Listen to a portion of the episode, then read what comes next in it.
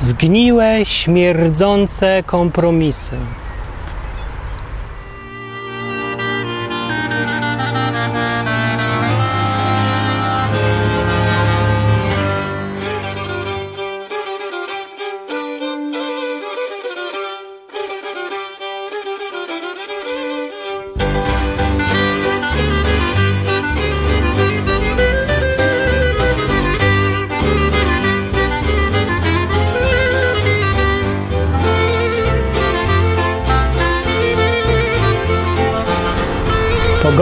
Psuje.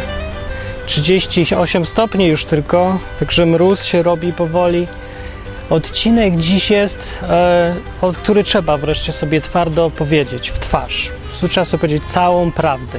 Nie zawsze będziemy mieć w życiu łatwe decyzje. No nie zawsze. Czyli łatwe to mam na myśli takie, że wybór jest oczywisty, nie? że z, dokarmisz pieska to dobrze, a pobijesz staruszka to źle. No właśnie, no nie za bardzo, więc w życiu jest trochę bardziej skomplikowane. Zjawiska zachodzą i czasem powstaje sytuacja, w której jest okazja na kompromis. Taki śmierdzący kompromis, taki brudny kompromis. Po to, żeby coś osiągnąć większego, lepszego, dobrego, to trzeba zrobić coś takiego, z czego nie jesteś dumny. I pytanie, co o takich kompromisach mówi Biblia. Jak ja byłem mały, mały w sensie głupi jeszcze taki, jak no każdy na początku, się nie ma czego wstydzić. Jestem dumny z tego, że byłem głupi, bo znaczy, że to w czasie przeszłym mogę powiedzieć. Dziś dalej jestem głupi, co prawda, ale już w innych zupełnie obszarach. W tamtych już jestem mądry. Za to w nowych jestem głupi. Co ciekawe, im, im szybciej przestajesz być głupi w pierwszych takich różnych pytaniach podstawowych, tym więcej się pojawia następnych problemów, więc ilość głupoty właściwie wzrasta. Bo ilość mądrości też, ale ilość głupoty też.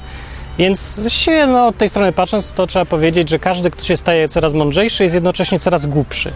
Bo na coraz więcej nowych pytań nie ma odpowiedzi, albo ma je błędne. No i, to dobrze, no bo dobrze, no więc jak sobie myślę, że od tej strony patrząc, to trzeba być dumnym z tego, że jesteś głupszy od kogoś innego, bo to oznacza, że jesteś równocześnie też i mądrzejszy.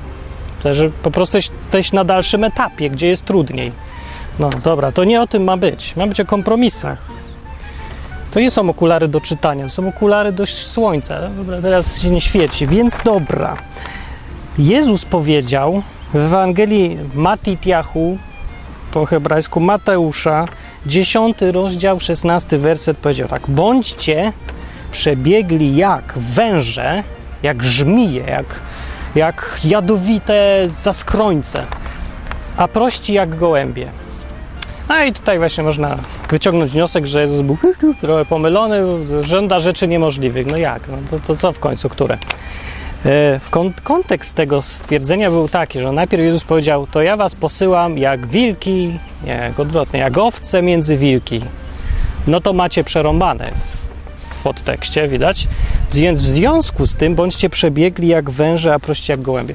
I tutaj mamy tak intuicyjnie problem, bo jakieś podejście się takie zrobiło, nie wiem, czy to przez Franciszka z czy to przez co innego, no ale podejście, które zakłada że idealny chrześcijanin to jest taki prostaczek wieśniaczek. To jest taki muł, taki, no taki głupek, który jest bardzo dobry w serduszku i, i postępuje dobrze, idealnie, ale o świecie to nic nie wie, czytać, pisać to nie umie, no jak coś już to tam ledwo duka, a to nieważne, bo Bóg go kocha dlatego, że ma dobre serce i że, i że dobrze rodzinę tam pilnuje i, i w ogóle jest cudowny i ludzie go uwielbiają i albo jak nie, to go tam bluzgają, chcą go wykorzystać, ale Bóg go zawsze broni. On jest taki biedny i nic nie ma, jest prosty jak cep i nieoczytany i co? Ideał. No, ja nie wiem skąd się to wzięło. No, co to za podejście w ogóle? Gdzie to w Biblii jest? W Biblii tego nie za bardzo jest. No, jest są takie jakby wskazówki, żeby poprzestawać na małym na przykład, żeby yy, nie chcieć jakoś tam bogactw, bo one psują, one sprowadzą na złą stronę mocy. No, no takie tak, tak są, ale nie ma ani zakazu jakoś, żeby być bogatym, ani że nie ma jakiegoś takiej pochwały za nieuctwo, że to, że nie, że to, że nie dążę do zdobywania wiedzy, to no, powinna być pochwała według tego modelu chrześcijanina, ale nie ma w Biblii pochwały. Przeciwnie, jest w ogóle nagana. Za lenistwo intelektualne są same nagany w Biblii. Z krytyka. Jezus krytykował, że głupi, nie myślicie ciągle tam gnuśnego, głupiego serca i żeby zrozumieć, co mówili prorocy. Więc a w Starym Testamencie to Salomon też w ogóle miał obsesję i tylko wyzywa ludzi za to, że nie szukają mądrości. Że są głupi w ogóle. Że się to źle skończy. No i, i najważniejsze kryterium to jest to, co w życiu wychodzi, a co nie, nie. A nie to, czy jak powinno być i czy jest zgodne z zasadami. Zasady też są po coś. Nie są zasady dla zasad, tylko zasady mają być po to, żeby wyniki były dobre. Yy, no, więc jeżeli wyniki są złe, no to akurat zasada albo jakiś wyjątek się zrobi, albo nie pasuje. Trzeba zostawić zasadę i skupić się na tym, jaki był cel tej zasady nie? w takich wypadkach. I w życiu niestety, no, ponieważ jest tak skomplikowane, barwne, zmieniające się ciągle, e, no to zasady, które raz są, zawsze będzie tak, że będą nie pasować. No nie, nie można powiedzieć, że te zasady w Biblii, co już są, to one są idealne na wszystkie czasy, wszystkie warunki i dokładnie w litera w literę trzeba się ich trzymać. Mówią tak ludzie, a potem pojawiają się jakieś głupkowate absurdy i pojawiają się problemy. Ale dobra, to nie o tym, to nie o tym, trochę. O kompromisach jest. Będzie. Jezus powiedział o tych wężach, że bądźcie jak węże przebiegli. No, co miał na myśli? No, nie wiem, chyba, żeby być sprytnym, przebiegłym. Przebiegły to nie jest taki niewinny wieśniaczek, prostaczek już trochę. Przebiegły to jest gość, który coś wie, który nie tylko wie, ale manipuluje. Bądźcie przebiegli jak węże. Czy to nie jest zachęta do manipulacji, do bycia, do tam kręcenia czegoś na boku, po cichu, może tu tak, tu zakombinować, tak zakombinować, sprytnym, żeby być? No jest. Dlaczego? No bo Jezus był realistą, a nie przygupem, znowu wieśniaczek, prostaczek, który mówi, a bądźcie dobrzy, aleluja, błogosławi was, idźcie, niech was zabiją. Jeżeli była kiedyś taka krucjata, pierwsza krucjata, normalnie, e, nie wiem, że jakieś masowe e, szaleństwo napadło na Europejczyków wtedy, ale oni mieli takie trochę podejście, takie głupkowate. Była e, z okazji pierwszej krucjaty, wyruszyła na Jerozolimę, żeby ją odbić, krucjata dziecięca, Naprawdę tak było. To nie jakaś tam, może to coś tam, legenda tam się trochę dookoła tego zrobiła, ale naprawdę poszli. Jakiś pomyleniec stwierdził, że, że to tak bardzo wierzył w tą koncepcję, że to niewinność wygra z mieczami Saracenów. Wziął te dzieci, oczywiście takie, wiecie, sieroty, jak to tam pełno tego było, głodne, nie mające gdzie się podziać w ogóle. No pewnie tak, nie? No i wziął i powiedział, o to idziemy, teraz na chwałę Boga odbijamy Jerozolimę czystymi sercami. Jak zobaczą nas Arabowie, to się tak wzruszą, że powiedzą, dobra, weźcie se to miasto. No więc wzięli se, co prawda, Saraceni, wzruszeni głupotą chrześcijan, wzięli se, ale nie miasto, tylko te dzieci i do niewoli głównie wzięli, no bo tam do, jako tam służących, na żony, do haremu. No więc ogólnie, no to jak się miała skończyć taka krucjata? I to jest, obrazuje to, co Jezus mówił. Jezus nie mówił takich głupot, no. Idźcie dzieci teraz, podbijajcie świat mocą waszych serduszek. Co to jest, kapitan planeta? Nie. Jezus był realistą. Mówi, posyłam was jak owce między wilki. No i w związku z tym nie róbcie głupot, tylko bądźcie sprytni, mądrzy, przebiegli. To nie do końca jest o kompromisach zgniłych, ale pokazuje, realizm pewien w myśleniu, jakiego się oczekuje od chrześcijan. Prości jak gołębie w tym wszystkim. Prości, powiedział, tacy no nieskomplikowani. Wiadomo o co ci chodzi. Nie przekombinuj, masz być jednak prosty, ale sprytny jak wąż.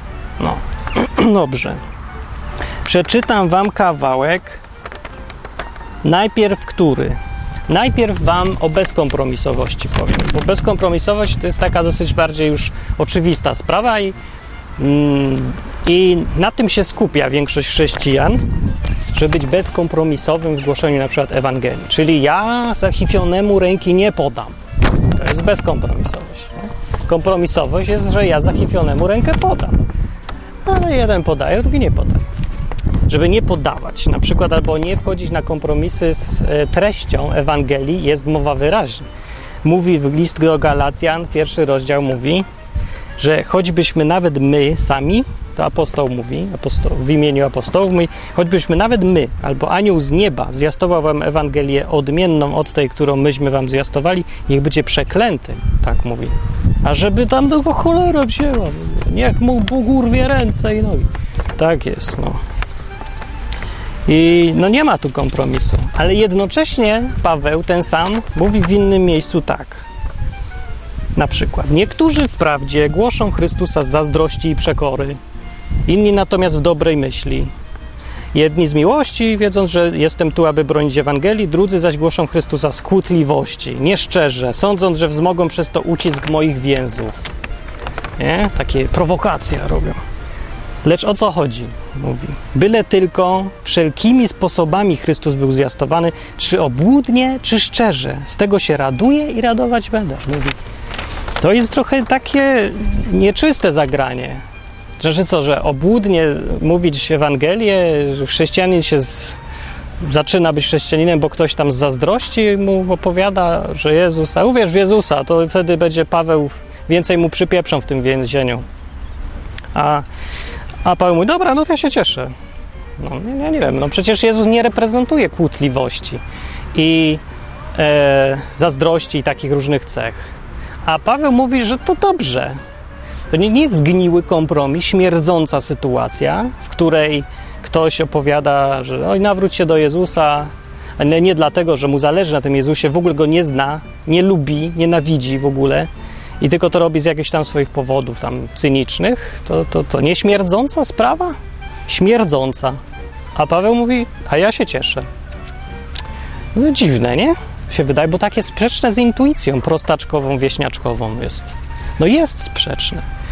To inne, inna sytuacja. Co jeżeli ja sam mam do wyboru iść na kompromis teraz i na przykład, ja wiem, dokarmiać chorych i tam leczyć głodnych i coś tam za pieniądze, które daje mi mafia. Jakaś taka absurdalna trochę sytuacja. Wątpię, żeby dużo ludzi miało taką okazję, ale żeby było wiadomo o co chodzi. Nie? I co wtedy? No, chrześcijanin taki, taki bezkompromisowy, porządny mówi, mowy nie ma. Paweł powie, ja się cieszę. A może nie powie. Powie czy nie powie? No nie wiem. Ale tego, co możemy być pewni w Biblii, jest to, że to wcale nie jest potępione bezwzględnie w Biblii, z góry na dół. Bo jak widzicie, są takie wypowiedzi tutaj. Jezus mówi, że tu bycie, będzie jak te węże, ale jak gołębie też, tak? A, a Paweł mówi, że no jak go głoszą skłótliwości, zazdrości tego Jezusa, to ja się cieszę. Tak mówi. A jak, ja bym sobie wyobrażał, że on powinien powiedzieć, że to źle, nie powinno się głosić Jezusa z chłótliwości. Mógłby tak przecież napisać. To by brzmiało źle, dobrze by brzmiało. By się ktoś nie zgodził? Zgodziłby się. No niedobrze jest głosić Jezusa z kłótliwości, zazdrości. Nie słuchajcie ich, przecież oni wam to są węże jakieś i to są w ogóle żmije. Nie słuchajcie tych ludzi. On mówi, dobrze, głoszą, ważne, że efekt jest. No ale to jest podejście kompromisowe, panie Paweł. No jest. Ale to jest jeszcze fragment. To jest, to jest kluczowe taki bardziej. Nie wieje za dużo, nie szumi. Taka historyjka. Opowiedział już Jezus. Także nie, że tutaj Paweł coś a teraz już sam Jezus mówi. Powiedział taką przypowieść do uczniów. Był sobie bogaty człowiek, no taki Jan Fior, milioner na przykład, który miał zarządcę, a tego oskarżono przed nim, że trwoni jego majętność. Oskarżono. Ja tutaj zrobię taką małą dygresję, że to słowo oskarżono sugeruje trochę, że może to mogło to być niesłusznie. To jest użyte słowo coś tam od diabo, diabolo, coś tam. To jest to samo słowo, co na diabła, użyte w, w sensie oszcze, oszczerca, oskarżyciel, ale taki osz, oszczerca bardziej. Więc no, może, może i niesłusznie. No, nieważne. Czytamy dalej. Więc go oskarżono, że trwoni jego majętność. Historia nie mówi, czy słusznie, czy nie. I przywoławszy go, ten bogaty Jan Fior powiedział, cóż ja to słyszę o tobie, zdaj sprawę swojego szafarstwa, bo już nie będziesz mógł dalej zarządzać. Czyli inaczej mówiąc, masz okres wypowiedzenia i wynocha z pracy. Załatw te sprawy, nie będziesz więcej pracował u mnie. A zarządca powiedział do siebie samego tak, no to cóż pocznę, skoro mój pan odbiera mi szafarstwo, czyli bycie menadżerem. Powinno być, jest jakieś nowsze tłumaczenie, gdzie zamiast szafarz jest menadżer? Pewnie nie ma. Odbiera mi menadżerstwo mój szef. Nie mam siły, żeby kopać, a żebrać się wstydzę. No to ja wiem, co zrobię. Żeby mnie przyjęli do swoich domów, gdy zostanę usunięty z menadżerstwa. I wezwał dłużników swojego pana, każdego z osobna, i rzekł do pierwszego: Ile jesteś winny mojemu panu, Janowi Fiorowi? A on rzekł: Sto baryłek oliwy. No to mu powiedział: No to weź zapis, siądź i szybko napisz 50. Taki. I potem rzekł do drugiego, a ty ile jesteś winien? A on powiedział 100 korców pszenicy. No to rzekł mu, a weź zapis i napisz, o to zapisz 80, że jesteś. I pochwalił pan nieuczciwego zarządcę. Za co? Że mu interes zepsuł? No właśnie tutaj nie jest napisane. Nie no, jest napisane. Pochwalił pan nieuczciwego zarządcę, że przebiegle postąpił, bo synowie tego świata są przebiegle, przebieglejsi w rodzaju swoim, swoim od synów światłości. Czyli ludzie bardziej niż aniołowie na przykład. Ja wam powiadam, zyskujcie sobie przyjaciół mamoną niesprawiedliwości, żeby gdy się skończy, przyjęli was do wiecznych przybytków. Jest ta historia, nikt jej nie rozumie do końca. Ona jest jakaś taka enigmatyczna i się znowu kłóci z naszym zdrowym podejściem. Pan chwali zarządcę za bycie nieuczciwym. No przecież, dobra, to wiemy, że to jest oczywiste, że Bóg nie chwali nieuczciwości, jakiejś zwłaszcza finansowej. No to też nie jest jednoznacznie potępione w Biblii, a tu wziął Pan i pochwalił. Jak rozumieć tą historię? No to to jest zadanie domowe, możecie próbować w komentarzach pisać. Jak to rozumieć? Ja nie za bardzo wiem, jak to rozumieć. E, więc ostrożnie podchodzę i tylko się zastanawiam na tym, co jestem pewny w tej historii. Nie wiem, czy ten zarządca, menadżer był słusznie oskarżony, czy niesłusznie. Nie wiem. Nie wiem, yy, czy pan wyrzucił w końcu zarządcę, czy nie wyrzucił. Nie jest też napisane. Wiem, że pochwalił go, ale nie, za, nie pochwalił go za nieuczciwość, tylko że był przebiegły. Nie wiadomo też, czy to wyszło na dobre interesom tego właściciela, milionera Jana Fiora tutaj z przypowieści, czy na złe. Można trochę spróbować zgadywać, że na dobre, skoro pochwalił go ostatecznie. Pochwalił jego przebiegłość, ale niekoniecznie pochwalił go, że to jest dobre dla mnie, tylko że no, ty sprytny byłeś, że go tak podziwiał, ale uważał go za złodzieja, być może. No nieważne, ale jednak jest w tym, ta historia pokazuje, że jest coś chwalebnego, godnego pochwały, bo, bo to się skupia na tej ocenie pozytywnej zarządcy. Jest coś pozytywnego w kombinowaniu. Bo o co chodziło z tym przekreślaniem zapisów? No, jednym z wytłumaczeń, jakie znalazłem y, w tamtejszych realiach finansowych, nie, no było tak, że y, zarządcy na przykład, no tak jak dziś może, zatrudniało się albo na stałą kwotę, albo na prowizję na przykład. Jeżeli ten był zatrudniony na prowizję, to może jest taka możliwość, że wcześniej, właśnie nie wiem, czy dla czytających to nie byłoby to oczywiste. Ja wam tylko powiem, że jest tak, jak to mogło, można rozumieć, że na początku ten zarządca był taki przesadnie trochę uczciwy i nie brał prowizji. W ogóle, nie wiem, może brał tylko stałą kwotę, prowizji nie brał, rezygnował. Więc jak ktoś był winny 100 baryłek oliwy, to robił, zapisywał, że 100 baryłek oliwy i nie brał nic dla siebie. Chociaż miał prawo, może. Więc kiedy dostał wypowiedzenie, to powiedział, no to dobra, to ja sobie wezmę tę prowizję e, i, i już, no, po prostu dobra. I teraz będzie sprawiedliwie. No i dlatego kazał tam, nie pisz 100, bo już nie jesteś winny 100, tylko jesteś winny 50. Drugie 50 to jest dla mnie prowizja. No, a co z tą prowizją, to już nie jest powiedziane w historii. Może się na pół podzielili, albo co? Nie wiem. Może to by było sprytne też. I oni powiedzieli, o dobra, dobra. Chociaż wiecie co, bo to, to, to wytłumaczenie jest czytam, ale ono, ja teraz widzę, że nie ma żadnego sensu. Bo jaki interes mieli w tym ci, co płacą? No i tak płacą tyle samo. Chyba, że im tam dał ulgę od tej prowizji, to może.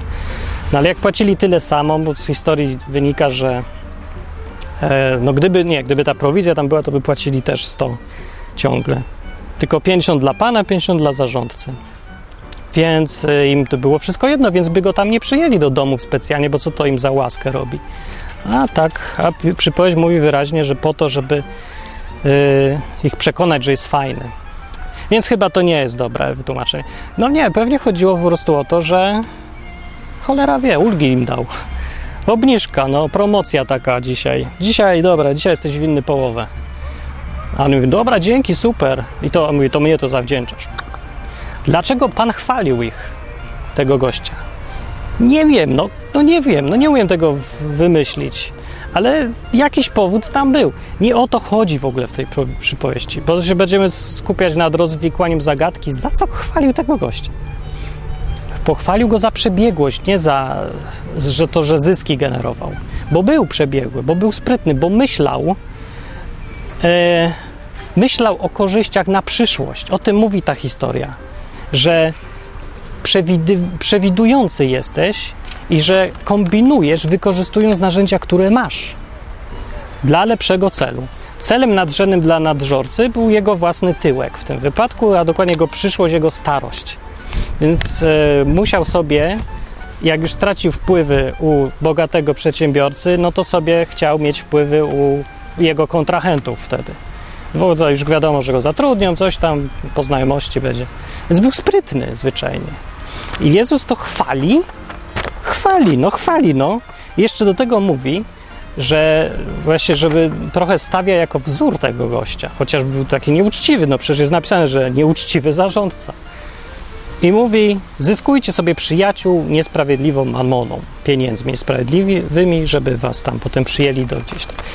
Więc y, wiecie, to, to też nie rozumiem za bardzo, ale ważne, co rozumiem. Rozumiem to, że tą zasadę, która z tego płynie, zasada mówi, żeby iść na zgniłe, śmierdzące kompromisy, to nie zawsze jest złe. E, że to jest ten pewien rodzaj sprytu, za który się ludzi chwali, bo tak jak mówił e, Paweł, o czekajcie, jeszcze był jeden fragment przecież. Czy nie był? Był? Nie, nie był, już myślałem. A nie, jest. Jeszcze jeden fragment.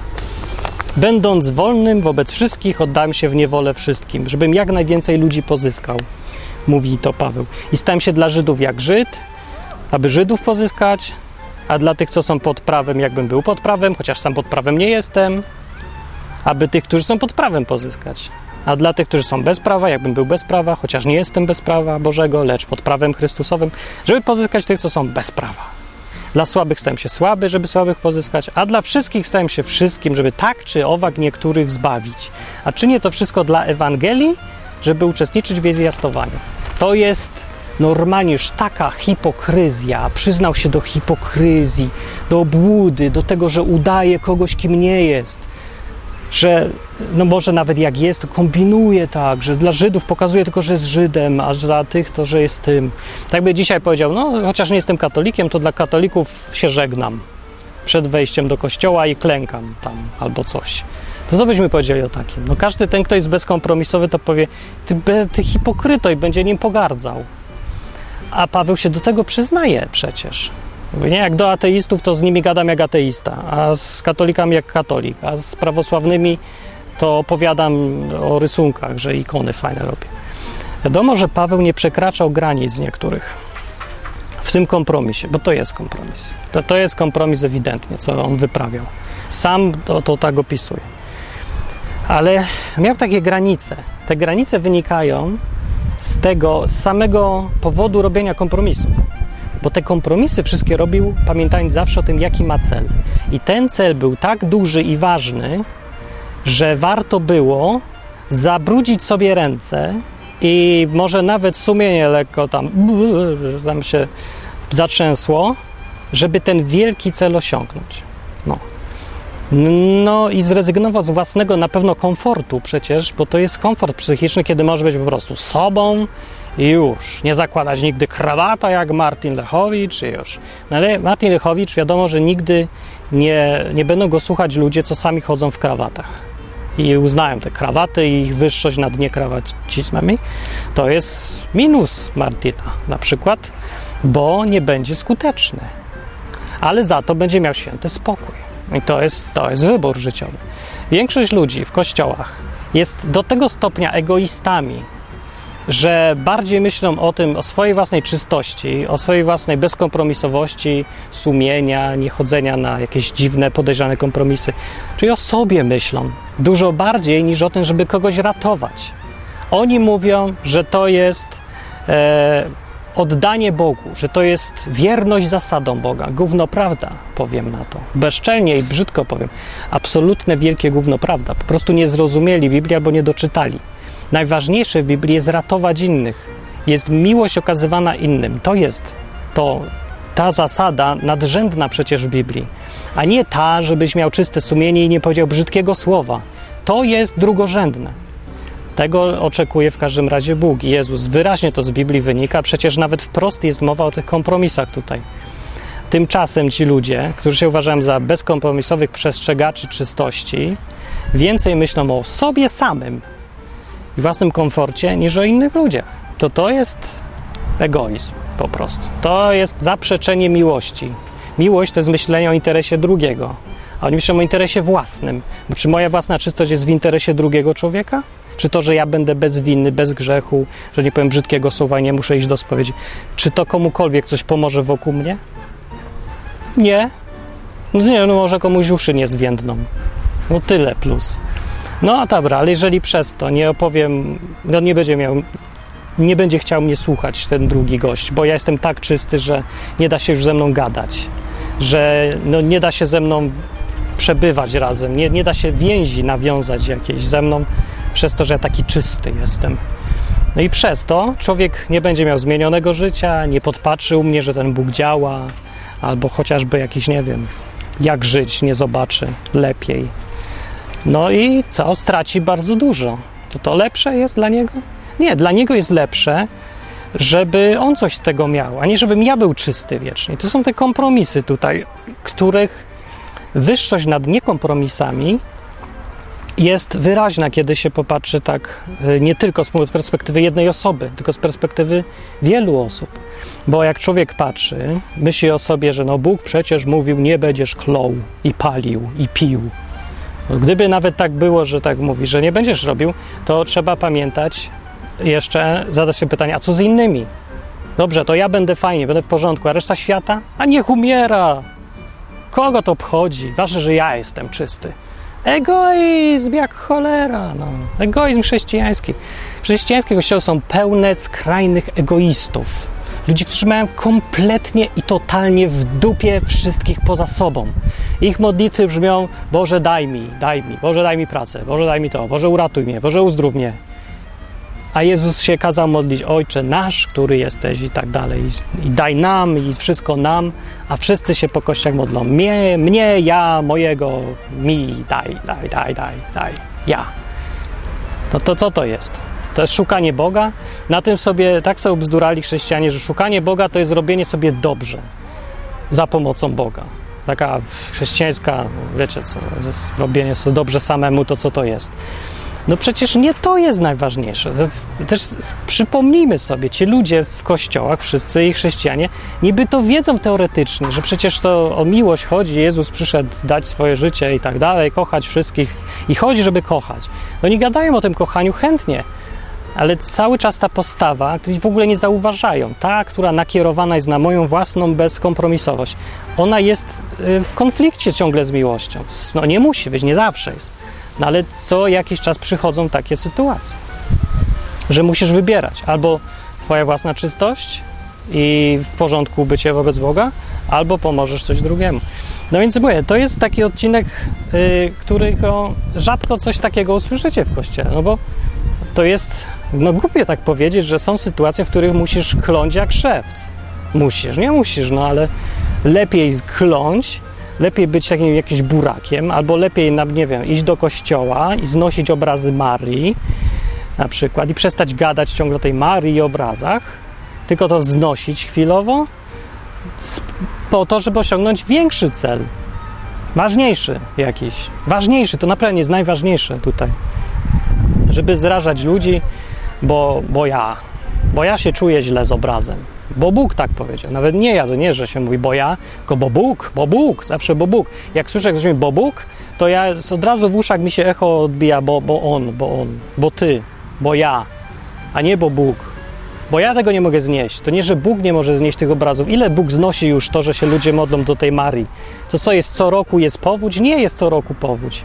No co, wojnę mamy ciągle, karze wszystkich? Nie, Bóg to znosi. To ty tego znieść nie możesz. To dlaczego ty się powołujesz na Boga? Jak Bóg znosi tych wszystkich ludzi, co robią różne rzeczy nie tak jak trzeba, a ty się dopierdzielasz do każdej Maryi, którą mają w domu na obrazku. No dobrze, to jest źle, no jest źle zgodnie z Biblią, nie powinni tego robić. Ale jak Bóg to jest w stanie znieść, to może ty też powinieneś. Bo to nie jest widocznie najważniejsze. Najważniejsze są inne rzeczy. Właśnie. Może to wiecie, to przestańmy się doczepiać do głupot małych, drobnych, do tych takich, e, uwziąć się na tą idealność i perfekcję. E, no i pomyśleć trochę o zgniłych kompromisach, śmierdzących czasem nawet, e, bo to jest prawdziwe poświęcenie się. No poświęcasz coś dla drugiego, nawet poświęcasz własne, coś, co co jest właściwie bardzo czyste i dobre, nie? Że to chcesz być w porządku z Bogiem maksymalnie, robić prawidłowo wszystko tak, jak On chce. No i to wynika nawet z miłości do Boga przecież. Ale nie chodzi o to, nikt ci nie zarzuca, że ty nie masz miłości do Boga, egoisto, tylko ci zarzuca, że nie masz miłości do innych ludzi. O tym pisał Jan w liście Jana. Cały list właściwie pisze o tym, próbując ludziom właśnie to uzmysłowić, że Wszyscy chcemy kochać Boga, tak? I uważamy, że go kochamy i dążymy do tego, żeby być w porządku z nim. Ale nie można kochać Boga nie kochając ludzi, bo dla Boga to jest chore. Bóg tego nie chce. Po prostu Bóg pierwsze co chce, to żeby kochać tych ludzi dookoła. To jest pierwsze, najważniejsze. Więc jak mówisz, że kochasz Boga, ludzi nie kochasz, to kłamiesz, bo Bóg nie o to jemu chodzi. Nie kochasz Boga, kochasz swoje wyobrażenie Boga i to nie tego, co naprawdę jest przecież. Bo Bóg i czego innego oczekuje. No. A i ze zgniłych kompromisów e, to trzeba trochę, mówię, innym okiem może spojrzeć, bo ostatecznie będą liczyły się efekty. Nie? Więc jeżeli ja, no ja prowadzę odwyk, narażając się gdzieś tam po drodze na różne tam śmierdzące kompromisy jakieś, no bo nie ma tego tam dużo i tak bardzo nie śmierdzą, ale bywają takie sytuacje. No, ja raz byłem, jak byłem młodszy, to byłem na Slot Art Festival i tam był jakiś e, taka grupa, a już wiem, No Longer Music się nazywali. I oni mieli takie przedstawienie jakieś strasznie mocne, obrzydliwe dosyć nawet, że jakieś tam kopulacje na scenie, bluzgi, jęki, heavy metal. No sywasz strach, ledwoś to znieść da. No wiecie, tam Duch Święty to tam nie wytrzyma długo po prostu, patrząc na to. No, ja miałem takie mieszane odczucia bo no, widzę ewidentnie, że to, to nie jest, co Jezus by robił. No, Jezus by nie ruchał się na scenie, prawda, i, i nie klął w, scenkach. Ale te scenki nie są po to, żeby chwałę Bogu dawać albo coś takiego, tylko po to, żeby przekonać tłum ludzi, którzy mieli takie życie, żeby zobaczyli swoje życie w lustrze, zobaczyli, jak ono wygląda z zewnątrz, że jest obrzydliwe, że jest dla nich szansa, że jest realny Bóg gdzieś w tym. No, jak tak mocno, żeby to zobaczyć. I to działało. I to, że to działa, zastanowiło mnie, bo ocena moja była ewidentnie potępiająca, ale patrzę, widzę, że to działa. Ci ludzie, różnie taka hołota, nie? Ludzie ze złym życiem, mówiąc to eufemistycznie, patrzą na to i nagle coś im się w głowie klapka zmienia i mówią, to ja chcę Boga, moje życie jest do dupy. Jestem do dupy też, potrzebuję tego Jezusa. Mówią. Autentyczne to jest. I to wiecie, to jest wszystko mocne dosyć, więc takie decyzje to nie są decyzje, że a, Bóg mnie kocha, bo ktoś ładnie mówił, łzami popłynęła, nawracam się. No, aż do za tydzień już zapomnę, ale teraz nie, no to było mocne, więc mocne, pokazane mocne całe życie, mocne decyzje. Do tej pory są ci ludzie chrześcijanami, to takimi skutecznymi. Więc patrzę na ten zgniły kompromis, co ludzie z No Longer Music robią i inni tam. I widząc efekty, nie mogę ich potępić. I nie wiem, jak to ocenić. Nie umiem tego ocenić do tej pory. No, no nie potrafię sobie wyobrazić, żeby Jezus to wytrzymy, wytrzymał. Duch Święty we mnie wrze i mówi: Nie mogę na to patrzeć. A ja widzę, ja też nie mogę na to patrzeć, ale widzę, że efekt jest. A efekt jest bardzo dobry. Na efekt możesz patrzeć, Duchu Święty? No mogę, fantastyczny efekt. Ale na to nie mogę. No, no hej, no widzicie. Jezus powiedział przy tej historii, e, przy tej przypowieści o tym niesprawiedliwym zarządcy, powiedział tam na końcu, że rodzaj ludzki jest bardziej przebiegły od synów światłości, coś takiego. Właśnie, to, że my żyjemy w tym takim brudnym takim świecie, to jest nasza siła w pewnym sensie. Bo popatrzcie na to tak, jak brzmi to dziwnie trochę, jak jakaś herezja, ale my jako ludzie jesteśmy w stanie zrobić takie rzeczy, których Jezus by nie mógł zrobić. Bo on nie jest w stanie zrobić takiego e, koncertu jak No Longer Music, nie jest w stanie gdzieś tam okłamać kogoś, żeby coś tam osiągnąć przy okazji. No, nie musiał niby. Nie musiał, ale Jezus był ograniczony. Jeszcze czytamy tą Biblię. Popatrzcie, w ilu miejscach był ograniczony. Ile rzeczy nie mógł zrobić przez to, że był ograniczony swoimi własnymi zasadami. No, nie zgrzeszył, jak mówi Biblia nigdy. No, ale czasem y, możliwość zrobienia jakiegoś syfu, kompromisu obrzydliwego, daje ci możliwość osiągnięcia więcej. To jest dziwny jest paradoks życia. Powinno tak niby nie być i to się nam czasem trudno się z tym pogodzić jest. Bo no, mi się trudno jest pogodzić z myślą, że mogę zrobić coś złego i wyjdzie z tego coś dobrego. W ogóle to jakieś takie. To, to co to znaczy w ogóle? To co te przepisy prawa są złe jakieś? To one każą robić rzeczy, które sprawiają, że jesteśmy nieskuteczni? Nie, na ogół to one są dobre, ale ja mówię, życie jest skomplikowane. Nie da się zestawem zasad załatwić wszystkiego. No jak się będzie szło jak prostaczek wieśniaczek po zasadach, no to trafisz na, na limit możliwości. Tymczasem, jak zrobisz jakieś kompromisy, jak, tak jak i apostoł Paweł mówi, no śmierdzące, podejrzane, hipokryzją zalatujące, tak, ale je zrobisz, to będziesz skuteczny. A nie o to przecież chodzi? No o to chodzi, o efekty, o wyniki. No i oczywiście, co będzie na sądzie? Na sądzie Bóg powie tak, za to, że robiłeś się hipokrytą, to masz dwa razy klapsa. A za to, że uratowałeś 200 osób, to masz 50 pałaców. No to ja mówię, że warto wytrzymać te klapsy. Hej, warto, opłaca się. No taka jest e, natura tych kompromisów, dziwna, przedziwna. Więc e, jako ostrzeżenie jeszcze, żeby teraz wszyscy nie zaczęli szukać pieniędzy od mafii, żeby sierocińce zakładać, to ja powiem tak, że ta droga jest niebezpieczna. To jest ścieżka na ciemną stronę mocy. To jest balansowanie na linię na, nie na linię, na linię też tak, przy wietrze, czasem dużym. E, dlatego, że bardzo łatwo pomylić albo nie pomylić, bardzo łatwo zamienia się cel ze środkiem. E, bardzo łatwo, strasznie łatwo. Ratunkiem przed tym jest ta czystość gołębia, ta prostota gołębia, że ty masz klapki na oczach, ty masz jeden cel ratować ludzi, na przykład jak Paweł. I ten cel jest tak bardzo mocno tak prosty i tak w, w tobie całym, że jest szansa, że zapomnisz, że nim jest niewielka. Bo w końcu środek może się stać celem samym w sobie, tak jak wiesz, człowiek zaczyna nie wiem, pracować dla mafii, robisz dobre rzeczy, tylko paczki wysyłasz, a w końcu nagle któregoś dnia się budzisz, a ty już jesteś mordercą i jesteś ojcem chrzestnym i w ogóle o, jak to się stało?